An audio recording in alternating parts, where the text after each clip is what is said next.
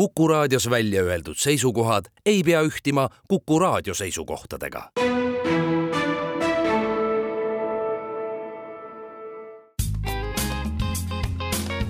ärimeeter,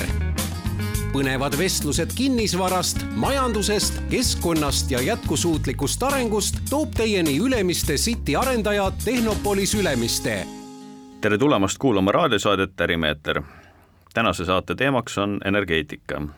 Äh, september oli küttearvete vastu helde, aga talv on tulemas. Äh, kas sellega koos ka uus energiakriis? Nendel ja energeetika tulevikku käsitlevatel teemadel oleme tänasesse saatesse vestlema kutsunud Utilitas Tallinna juhatuse esimehe Robert Kitti, tere Robert! tervist! ning energeetika eksperdi ja Eesti Energia endise juhatuse esimehe Hando Sutteri, tere Hando! tere! mina olen Ülemiste Sitika ärilinakut arendava ettevõtte Tehnopolis Ülemiste juhatuse esimees ja ühtlasi selle saate saatejuht Gert Jostov. Kuulajatele meeldetuletuseks, et lisaks Kuku raadio eetrile saab saadet järele kuulata kuku.ee veebis ja Spotify's. aga head külalised, siis tänase saate küsimuste juurde, et äh,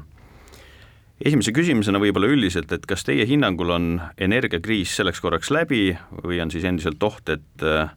ühendused ei pea vastu ja, ja olukord võib ka hullemaks minna? noh, ma usun, et äh, energia äh, on meil olemas eeloleval talvel, et äh, kui me seda kriisi all mõistame, et kas meil energiat on või ei ole, et ja selles mõttes on olukord parem, kui ta oli aasta tagasi. et siis oli ikkagi segadust ja määramatust oli rohkem, meil on olnud aega valmistuda, tõsi, on tulnud siin uued põrutavad uudised värskelt, mis puudutab Balticconnectorit ja ja, ja noh, meil on ikkagi väga lähedal käimas Euroopas sõda, nii et üllatusi võib tulla, aga mulle isiklikult tundub, et olukord on parem kui täna aasta tagasi. Ja selle, selle osundusega saab kindlasti nõustuda, et aasta aega tagasi, ma arvan, me olime Äh, sõna otseses mõttes kriisiolukorras, et äh, suvisel ajal äh, toimetatud gaasihanked lõppesid tulutult, ehk siis pakkumist ei olnud. Ja tegelikult umbes poolteist aastat tagasi ikkagi oli olukord, kus oli natuke ebaselge, et, et kuidas talvel toad soojaks saavad, täna ütleme sellist, sellist, sellises skaalas ebaselgust ei ole, on mahutid täis, aga äh, ma just mõtlen selle küsimuse uba, et, et kas kriis on möödas, et noh, ma arvan, et äh, kui me räägime toasoojast ja sellest talvest, siis tõenäoliselt on kindlasti rahulikum, ma olen siin ka täiesti nõus, aga me räägime struktuursest muutusest, äh, äh, siis ma arvan, sellised nagu hüppelised ja murrangulised ajad seisavad kindlasti veel ees eile nägin televiisorist, et lubasid veel Tallinna inimestele küttehinda alla lasta ka, et äh, kõik varud on kindlustatud. täpsustan, et on, oleme lasknud et eelmise küttehooaja lõpuga võrreldes jah, umbes kakskümmend protsenti hästi, natuke sellega seonduvalt, et, et hetkel äh, nädalapäevad tagasi lahvatanud äh, Iisraeli-Palestiina konflikt, et et kuidas see mõjutab energeetikasektorit ja et me eeldame, et autokütus äh, nafta hinna kallinemise näol äh, läheb üles, et aga, aga mida selline asi võiks veel kaasa tuua? No kõigepealt äh, teeme ühe asja selgeks, et kui me räägime energiast, et me räägime peale elektri veel mitmest energiaallikast, et, et Eestis kogu energiatarbimine umbes kolmkümmend kaks teravatt-tundi, millest elekter on kaheksa nii et siis nafta, gaas, ka kodumaine puit ja kõik muu, millest energiat me Eestis saame, kuulub sinna siis selle ülejäänu hulka. nii et, et tõsi, nafta hind mõjutab Eestit päris palju mõjutab äh, siis tarbijaid, aga mõjutab ka meie eksporti, sellepärast et Eesti on ka päris suur äh, õlitoodete tootja, nii et äh, neid mõjusid hinnamuutustele Eestis on päris palju. nüüd, kui me räägime sellest, et jah, iga järgmine mingi akti-, aktiviseeritud konflikt, ükskõik, kas ta on siin lähemal või kaugemal, mõjutab energiaturgu tõsi, äh, äh, see, mis äh, Iisraelis juhtus, mõjutas koheselt naftaturgu, tänaseks on natukene turg rahunenud, on hinnad alla tulnud. isegi Balticconnectori kriis mõjutas gaasi hinda terves Euroopas, läks korraks üles, tänaseks on natukene alla tulnud. aga samas gaasi hind on meil kordades odavam, kui ta oli täna aasta tagasi, nii et, et iga selline võbelemine mingis turvaolukorras mõjutab kohe selliseid suuri energiaturgusid, energiakandjaid nii et üks asi, milles me võime päris kindlad olla, et seda ärevust maailmas on, energiaturud on äärmiselt heitlikud, mis mhm. tähendab äh, mitte ainult seda, et hinnad tõusevad, nad võivad ka alla tulla ja üsna madalad olla, aga võivad ka kiiresti üles minna, kui midagi juhtub ma võib-olla jah, tahaks äh, isegi täiendada, et ähm, Hando väga hästi kirjeldas, et energia ja elekter, et, et kolmkümmend kaks ja, ja kaheksa teravatt-tundi äh, siis tarbimist Eestis, aga et energia noh, laias laastus võib jagada kolmeks, soojus on umbes pool, transport on veerand ja elekter on veerand. Et um-, umbes niimoodi võib meelde jätta, see on Põhjamaades üldiselt suhteliselt stabiilne, et niisugune proportsioon. Ja transport on äh, meil kõige vähem dekarboniseeritud, ehk siis seal me sõltume kõige rohkem fossiilkütustest, noh, ma arvan, kuskil ikkagi enam-vähem üheksakümmend pluss protsenti või isegi rohkem soojus on kõige rohkem, umbes kuuskümmend protsenti dekarboniseeritud ja elekter on siis seal kuskil vahepeal, aga aga et loomulikult mõju on ja, ja noh, mõju just ütleme siis selline lühiajaline volatiilsus või lühiajaline hinnakõikumine kõikide selliste konfliktidega käib kaasas. et äh, aga erinevaid neid äh energiaallikaid vaadates, et äh, kus te seda ohtu nagu kõige suuremana näete, et äh, et, et ma saan aru, et äh, lokaalkütuste näol on võimalik teatud hinnastabiilsus, aga ülejäänud osa on siis kõik maailmaturu hinnad, ma võib-olla kuidagi jätkakski kohe eelmist mõtet, et ohtu kõige suuremana just näeks eelmise suve ja nüüd ütleme ka selle Balticconnectori näitel on liigne sõltuvus väliskeskkonnast. et energeetika, on see siis soojus või elekter, on äh, oluline teenus, äh, see on, on ka reguleeritud, on inimtegevuseks vajalik teenus ja me ei saa siin nagu lubada seda, et, et noh, kuskil on midagi katki või midagi sellist. et ma arvan, et just julgeoleku, energiajulgeolek on midagi, mille, mille eest noh, me peame ise seisma siin oli isegi küsimus kohati hinnas, et noh, kui see gaasitoru on katki, siis molekulid seal ei liigu. et küsimus on selles, et kas me suudame iseseisvalt oma riigis kas või siis bilansilist koormust ise katta ja noh, selle poole liikuda või siis me nagu ehitamegi üles hapra struktuuri, kus me kogu, kogu nii-öelda lahenduse ehitame üles siis teistele sõltuvat. et loomulikult noh, et me ei ole mingis isolatsioonis ja äh, ja mida rohkem ühendusi, seda stabiilsem, seda hinnastabiilsem ja seda turvalisem, aga noh, ikkagi kui sa küsid küsimuse, et noh, kuhu suunas liigutada, siis ma arvaks küll, et energiajulgeoleku, julgeoleku seisukohalt me peaks nagu liikuma kodumaiste ressursside poole, mis üldiselt on ka taastuvad. Ando tahab lisada siia? Jaa, ei ma olen sellega absoluutselt nõus ja, ja me peame nagu hästi rahulikult mõtlema, et äh, millised ressursid meil siin Eestis on, et äh, tõsi, põlevkivi on üks äh, olnud meie põhiline ressurss, mida on sada aastat kasutatud ja teda põhimõtteliselt veel jätkub, kas teda kasutada, kuidas teda kasutada, on on suur küsimus, noh, liiga kergekäeliselt vähemalt teda ära visata ei saa, sest teda on Eestis ikkagi veel päris palju ja ta on meile väga palju andnud viimase saja aastaga, ehk saab ka uues maailmas teda kuidagi kasutada. Eh, nüüd eh, meil kindlasti on väga head tuuleolud, et eh, meil on suur rannikujoon, meil on madalad rannikumered, et see on kindlasti väga hea ressurss, ka üsna konkurentsivõimeline, et sellest elektrit toota ja ka päikest tuleb välja, et on päris üksjagu ja päiksest elektri tootmine on muutunud taskukohasemaks ja päiksega on üks hea asi, et teda on võimalik toota tarbija juures et äh, kui me räägime sellest, et äh, noh, tuuleparkidest tuleb elekter üle kanda tarbija juurde ja sealt tekib kulu ja, ja, ja täiendavaid investeeringud, siis noh, päikeseenergiat on võimalik toota ju iga äh, tarbija juures. et äh, ja lisaks on meil puitu äh, ja noh, räägitakse, et palju metsa raiuda, aga energiaks kõlbab kõik see, mis millekski muuks ei kõlba, et see, mis sealt üle jääb, selline väheväärtuslik puit, et noh, seda kindlasti energiaks kasutada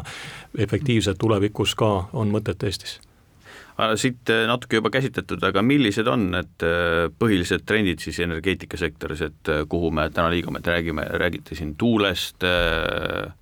räägitakse salvestusest, meretuuleparkidest, tuumajaamast, et mis, mis see, mis see teie arvates on? Mina usun, et äh, kaks põhilist trendi, mille peale peavad kõik mõtlema, me noh, ütleme, kas me oleme kodutarbijad, äh, väiketootjad, äh, ettevõtted, et üks on see, et kindlasti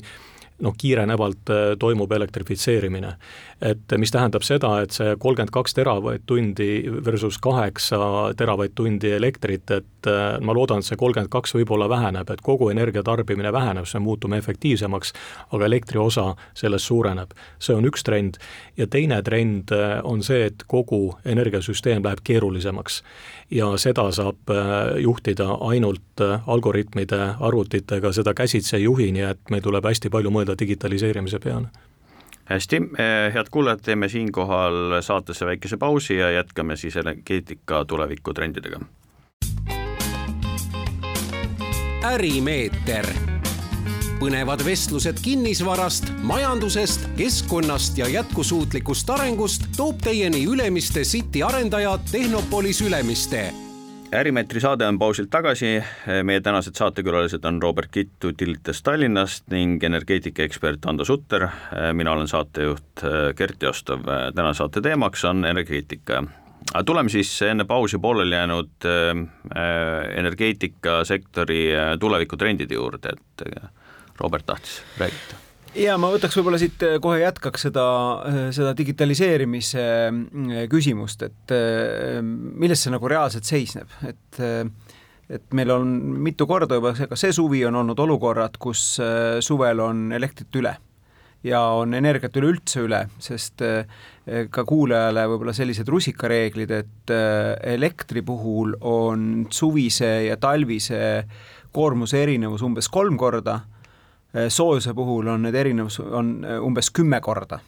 seega noh, vajadus suvel ja talvel soojuse puhul saate aru, et talvel on kümme korda suurem võimsuse erinevus. aga nüüd suvel, kui äh, üldiselt energiat kipub üle jääma ja päike paistab ja tuul ka puhub, noh siis lähevad elektrihinnad negatiivseks, siis ei ole mõtet just nagu toota ja see toobki nagu selle komplekssuse, et meil on võimsused, mida ei ole nagu iga kord vaja, meil on siis aeg-ajalt on midagi puudu meil on kütused on erinevaid, kust, kust võimsusi luua. Ja noh, see toobki nagu sellise juhtimise, et, et ka siin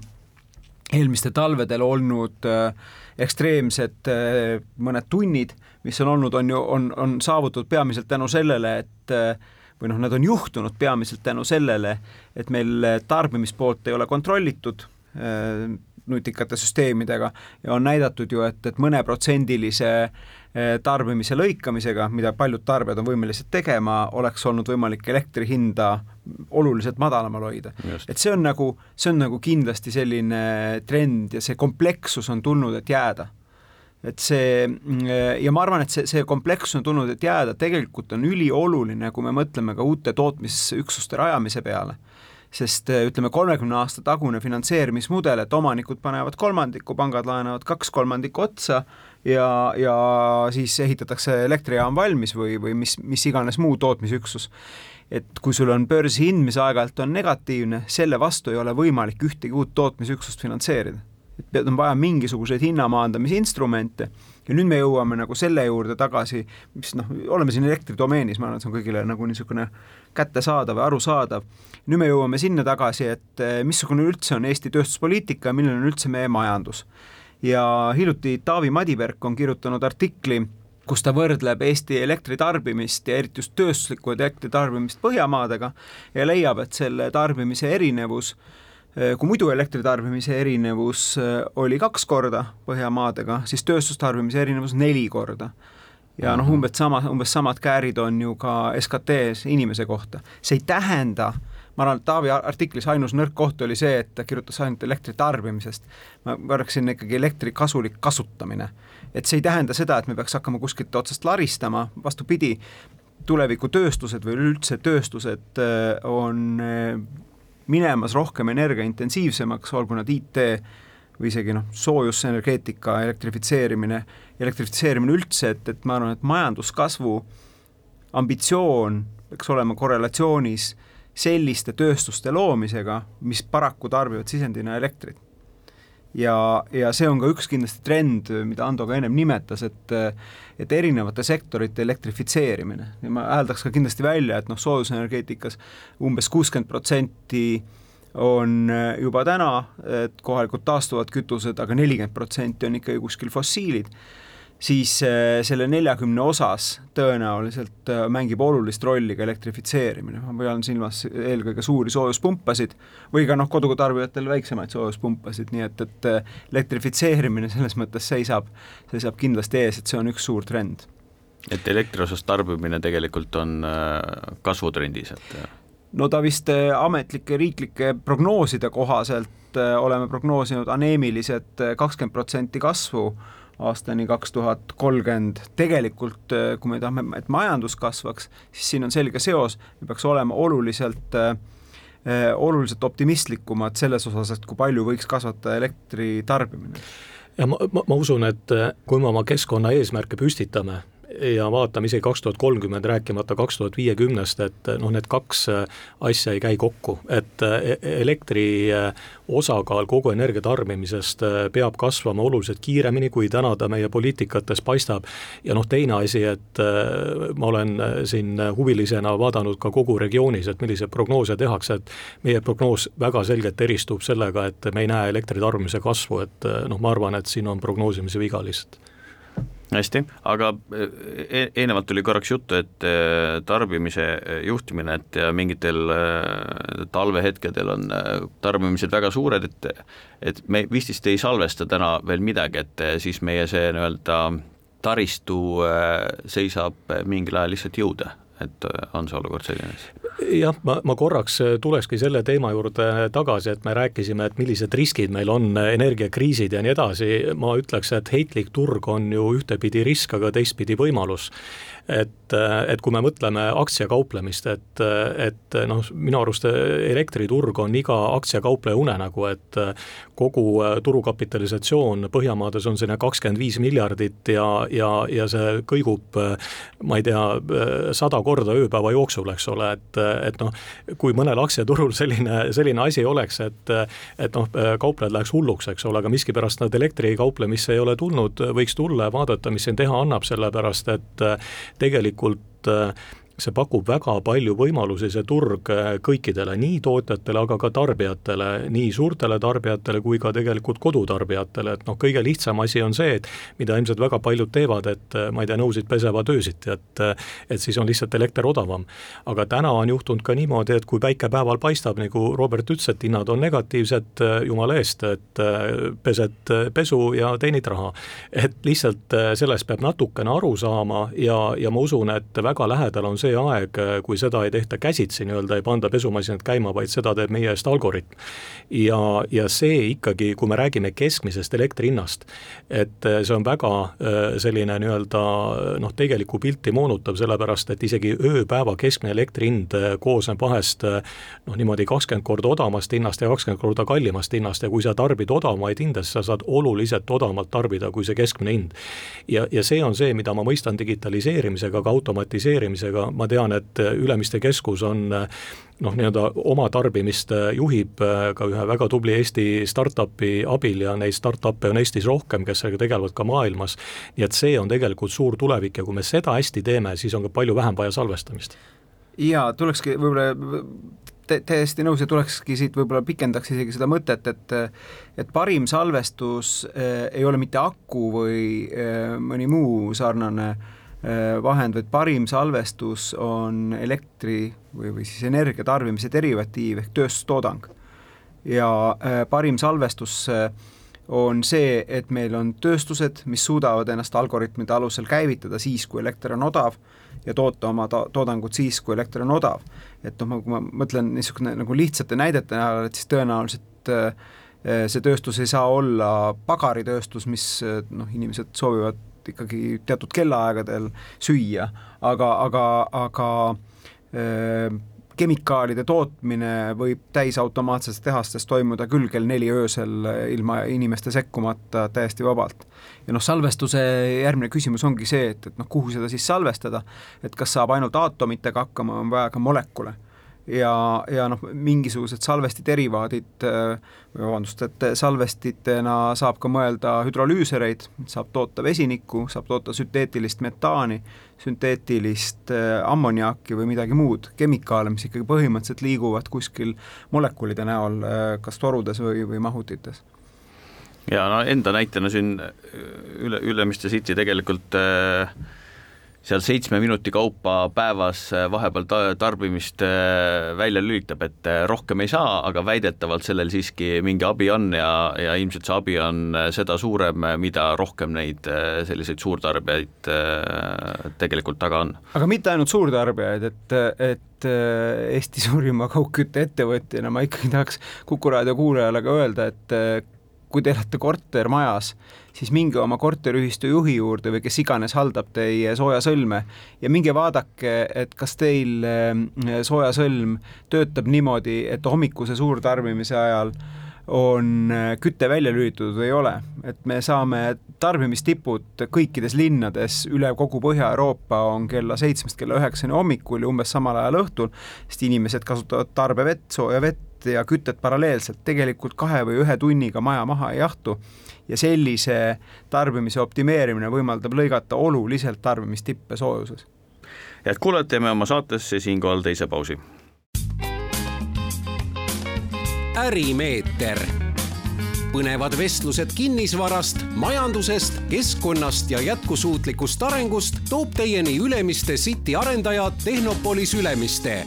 Erimeetri saade on pausilt tagasi, meie tänased saatekülalised on Robert Kitt ja Hando Sutter, mina olen saatejuht Gert Jostov ja, ja tänase saate teema on energeetika. aga johtuvalt sellest, mis eelmises plokis sai räägitud, et korraks tuleks energeetika investeeringute juurde, et kuidas neid energeetika investeeringuid rahastada, et summad on sajad miljonid ja miljardid eurot turg hindade mõttes on eh, tohutult volatiilne ja pangad tõenäoliselt sellise riskiprofiiliga kliente väga ei armasta, laenud eh, anda ei taha, et kuidas sellises olukorras üldse energeetikat rahastada? no ega see rahastamise rusikareegel on ikkagi sama, et, et sul on mingi osa omanike kapitali ja mingi osa võõrkapitali, ehk siis pangad või võlakirjad või noh, see on kapitaliturud, laenu, laenuraha ja mis selle laenuraha probleem on, on see, et, et kui ettevõtte käive sõltub börsihinnast, siis ta on hästi kõikuv ja kui börsihinnad on negatiivsed, noh siis ilmselt toota ei saa, eks ju,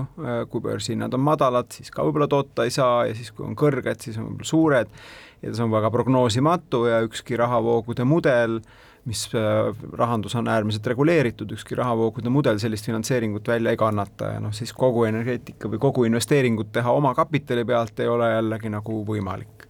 nüüd äh, mis sellest äh, aitab, et loomulikult on erinevad tuletisinstrumendid, millega saab siis börsihinda maha võtta. mis energeetika teeb väga raskeks, on see, et ka esimeses saate osas räägitud, meil puudub Soome ja Rootsiga võrreldav tööstustarbimine meil puuduvad tööstustarbijad, kes oleks võimelised suures mahus tegema neid nii-öelda äh, energiaostu pikaajalisi kokkuleppeid ja kuna neid tarbijaid ei ole ja me oleme eraldi Püs, püsivalt tarbiks siis nii-öelda? no nii, nii püsivalt või üleüldse mingis märkimisväärses mahus ja kuna neid tarbijaid nii-öelda ei ole, või on väga väiksed või on e-, eba äh, siis noh, stabiilsed, et tarbivad mingitel väga kitsastel hetkedel äh, ja Eesti on eraldi hinnapiirkond, siis tähendab seda, et me ei saa ka sõlmida niisuguseid lepinguid äh, välismaiste suurettevõtetega, kes on kuskil mujal, mis omakorda tähendabki seda, et, et noh, sul ei ole võimalik neid hinnariske maha võtta, mis just nagu tähendab, et on väga raske, kui mitte võimatu finantseerida.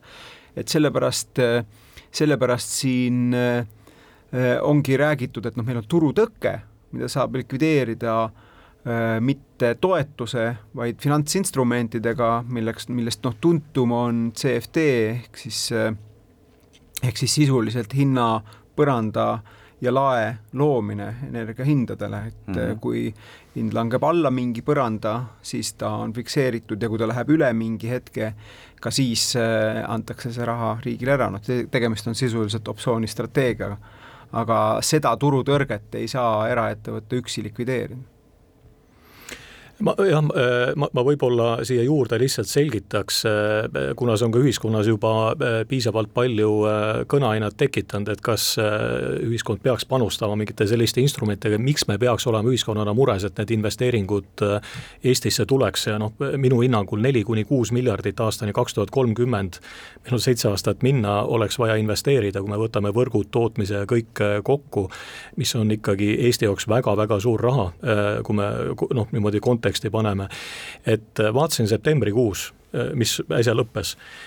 äh, Eesti elektri hind keskmine sada kolmteist eurot megavatt-tund, Soomes siinsamas, eks ole, kolmkümmend kolm eurot megavatt-tund, vahe väga suur, kaheksakümmend eurot vahe. no okei okay,, terve aasta võib-olla selline ei ole, võtame viiskümmend eurot on hinnavahe. see tähendab seda, et meie kaheksa teravatt-tunnise tarbimisega me maksame Eestis nelisada miljonit rohkem elektri eest kui soomlased ja tegelikult me äh, nii-öelda oleme samal turul ja see kokkuvõttes tähendab mingis perspektiivis seda, et, äh, et noh, me ei suuda Põhjamaal oma toodangut siit müüa, tööstustoodangut, vaid tegelikult me ei suuda ka siin ise konkureerida Põhjamaadega ka oma turul. sest äh, nendel on lihtsalt energiasisend nii palju odavam. ehk meie absoluutne miinimumeesmärk peaks olema see, et me toodame siin Balti regioonis nii palju elektrit, et me oleme Põhjamaadega samas hinnas ja, ja seda tegelikult liiga palju vaja ei ole ja ma arvan, et, et noh, selle tõttu me peaks ikkagi väga-väga muretsema, et noh, isegi kui see nelisada miljonit muutub äh, näiteks kahesajaks miljoniks ja võib-olla viiskümmend või sada miljonit äh, tuleb investeeringute turgutamiseks siin nagu turule panna, siis me oleme ühiskonna mõttes teinud väga-väga hea tehingu. nii et me ei saa päris niimoodi öelda, et noh, et see on nagu iga teine turg, et et küll nad saavad ise hakkama, küll investeeringud tulevad, äh, et see on natuke liiga lihtsustatud mõtlemine energeetikas ja siia öö, otsa lisaks ka, eks ju, toimepidevuse riski, et kui me sõltume kogu aeg imporditud energiast, me ise ei saa mitte midagi endale ära teha. Ja siia otsa, nagu Ando just ütles, ma lihtsalt veel tuletaks meelde, et meil on tööstustoodang olnud languses mitmeid-mitmeid kvartaleid ja tööstusettevõtetel on väga raske ja üks põhjustest, miks on väga raske, on just kallis energeetika või sisend, energiasisendi hind. kui me teeme otsuseid, et me jäämegi elektrit importima või me te-, me ei tee üldse mingeid otsuseid, mis kokkuvõttes jõuavad sinnasamma välja, et me jääme elektrit importima, siis me sisuliselt kogu oma tööstussektori ja samuti ka IT-telekommunikatsiooni, mis on energiaintensiivne kuluartiklite mõttes äh, lõikame ära rahvusvahelisest konkurentsist aga kuidas, kuidas seda lahendada, et ma mõtlen, et äh, rajame tuuleparki koos hinna, hinnalae ja põrandaga nii maale kui merele või? ma mõtlen, kas ei ole nii, et nii-öelda see, ütleme, üks on tuulepargi rajamine, aga teistpidi kogu Eesti energeetika tuleb energia tuleb Ida-Virumaalt, võrgud on vastavalt ehitatud, et see on selline suurem investeerimisprojekt mitte ainult tootmisse, vaid ka selle jaotamisse? tegelikult on meil äh, kaks probleemi, et äh, üks probleem on see, et noh, ütleme Kesk-Euroopast vaadates me oleme sõdiva riigi piiri ääres asuv riik. et äh, ja, ja kuna Eesti Energias me aasta algul alles äh, emiteerisime kuuesaja miljoni eest võlakirjasid, mul on see protsess vägagi hästi meeles ja noh, ütleme iga teine Euroopa pank ütles, et äh, pikka raha sõdiva riigi piiri äärde me ei anna, noh niimoodi me ei rääkinud raha hinnast, vaid, vaid see oli absoluutne statement, et nii et see ei ole midagi, mida, mida ma arvan, vaid me seda lihtsalt ise kogesime ja, ja üleüldse igasugune finantseerimine on äh, täna ja ilmselt siin lähiaegadel oluliselt keerulisem, äh, kui ta oli mõni aeg tagasi, et äh, noh, see ei ole ka kellelegi uudis. ehk me räägime väga-väga suurtest rahadest, väga pikaajaline ja üsna keerulises regioonis, kus me täna oleme. see on nagu üks pool, nii et siin me peame kõik mõtlema, et millist kindlust me investoritele anname, et need investeeringud tuleksid. ja teine asi, mille peale me peame mõtlema, et me peame siin regionaalsel elektriturul suutma oma projektidega toota konkurentsivõimelise oma hinnaga elektrit ja, ja siin meil liiga palju võimalusi ei ole. E, üks on kindlasti maismaa tuulepargid äh, ja noh, neid projekte on meil äh, päris palju erinevatel arendajatel siin torus, et me peaks nagu ühiskonnana muretsema, et neil läks hästi, et nad saaks ruttu oma projektid nii-öelda investeerimisotsuseni ja siis panema pead kokku, et kuidas nad ka finantseerituks saaksid, et äh, et see on nagu üks asi kindlasti, aga teine asi, et vähemalt üks avamere tuulepark mis on noh, ütleme selline suur samm edasi ja mis tegelikult nagu aastakümneteks lahendaks meil väga palju küsimusi ja kindlasti paneks ka tööstusele siin katalüsaatorina kõvasti hoogu juurde ka uutele investeeringutele erinevates tööstusharudes. ma arvan, et noh, selle peale peaks nii-öelda ka nagu äh, mitte kaklema, vaid panema seljad kokku ja tegema lihtsalt ühe ära. ja, ja, ja kui ta tuleb näiteks ka turule, äh, kuhu saavad kõik siis äh, noh,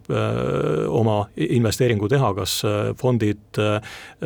siis institutsionaalsed investorid, eraisikud, väga äge. aga, aga noh, siin on vaja tõesti väga head koostööd teha, et see õnnestuks. just, ma et kuidagi selle, selle mõtte kokku võtta, et investeerida ja äh, hajutatult, ehk siis, et ei ole olemas ühte hõbekuuli, et nüüd teeme hästi palju päikseparke või, või hästi palju maismaad ja siis seda, et teised ei mahu, küsimus on, et ikkagi portfell tuleks, peaks olema hajutatud. Äh,, on erinevad, äh, sellest võib terve saate täis rääkida, mis on need erinevad mõjurid, aga et investeerida, A, et me ei oleks impordist sõltuvad,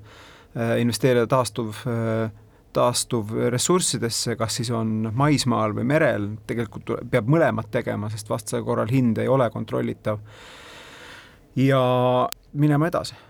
hästi, aga võib-olla kiire lõpuküsimusena, et